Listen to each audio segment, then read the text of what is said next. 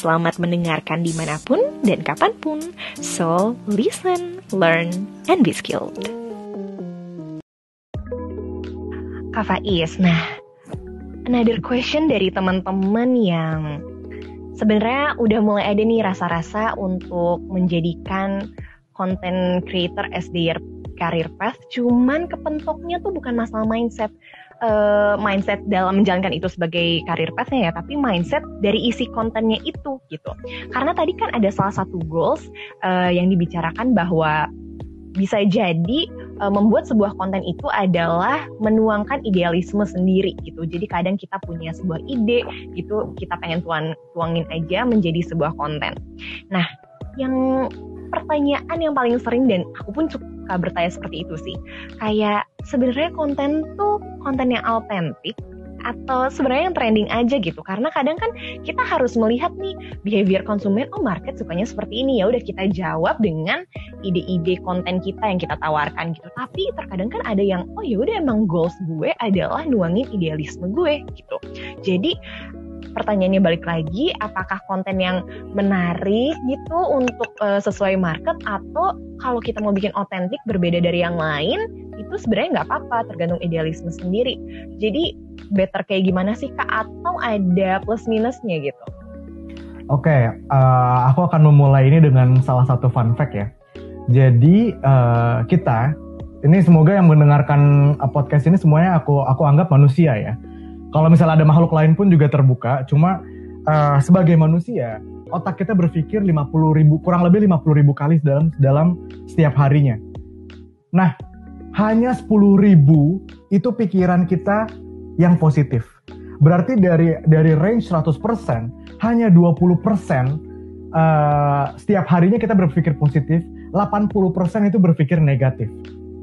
Nah kaitannya apa sih? Ketika kita bikin konten yang negatif, itu akan ghost viral lebih kencang menurut aku. Misalnya yang kaitan dengan kontroversi agama, atau yang kaitan dengan uh, yang berbau dengan seksual misalnya gitu, atau pokoknya yang berbau-bau seperti itulah yang negatif ya, karena orang tend to be seperti itu by nature memang seperti itu. Jadi untuk menjadi positif content creator itu adalah salah satu uh, goals yang mulia, baik, cuman jangan harap mudah gitu. Kalau misalnya aku boleh kasih example salah satu positif content creator yang berhasil, aku boleh uh, kasih contoh kok Kevin Hendrawan. Itu aku ketemu dia dari subscribernya 100 ribu, aku udah ngobrol, terus habis itu uh, sharing session segala macam, bahkan dia yang nyaranin tripod Manfrotto kecil aku itu. Terus habis itu sampai dia subscriber ke yang sampai sekarang aku lupa dia subscriber berapa udah sekian juta dia humble-nya masih terus dan kontennya juga dijaga gitu. Quality kontennya tuh dijaga banget gitu. Ini balik lagi kepada pertanyaannya ya, authentic konten atau trending konten.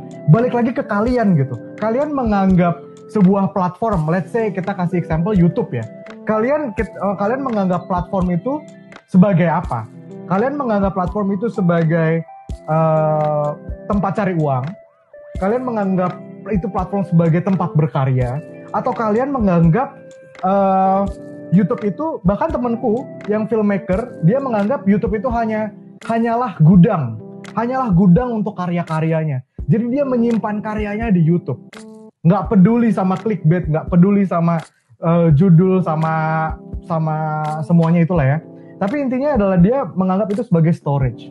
Yang itu kan balik lagi ke perspektif orang masing-masing. Tujuan lo bikin konten itu buat apa? Kayak gitu. Jadi balik lagi kita mau content oriented dengan idealisme kita atau mau market oriented. Misal gini, misalnya nih aku mau viral nih ya. Kalau misalnya aku mau viral, aku bisa bikin konten gini. Social eksperimen batuk-batuk ketika corona depan orang Polandia. Itu mungkin bakal bakal hype banget gitu. Itu bisa banget gitu ya. Terus kayak uh, aku bisa bikin yang misalnya misalnya agak sedikit uh, dewasa gitu ya kayak emang kalau misalnya di Polandia orang pacaran tuh tinggal harus tinggal bareng ya? Something like that yang sebenarnya itu agak di gray area ya kayak area uh, sedikit dewasa atau bisa dikonsumsi dengan anak-anak. Tapi aku tidak merekomendasikan itu di uh, konsumsi oleh anak-anak sih. Sebenarnya kurang lebih kayak gitu sih. Jadi kalau misalnya balik lagi ke kalian teman-teman. Teman-teman uh, mau bikin konten kayak apa? Kalau aku boleh saran, lebih buat buat idealisme kalian aja sih. Karena ketika kita buat untuk yang idealisme itu kita akan otomatis ke push sendiri. Semoga terjawab nih ke teman-teman yang selama ini pusing nih, aduh aku punya idealisme sendiri gitu ya kak, terus tapi rasanya kok market kayak tidak menjawab itu, ya balik lagi ke goals kalian masing-masing. Tadi ada temennya kak Faiz yang bahkan menggunakan YouTube sebagai storage-nya, ya udah emang buat menuangkan idealismenya aja uh, gitu. Ada juga yang emang market oriented gitu ya, emang mau menjawab kebutuhan dari orang-orang yang melihat digital kontennya kayak gitu ya kak.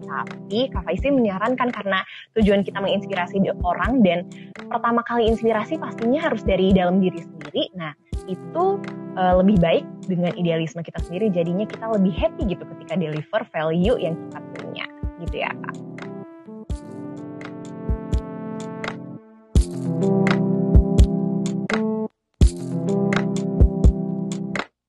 Listen, learn, and be skilled.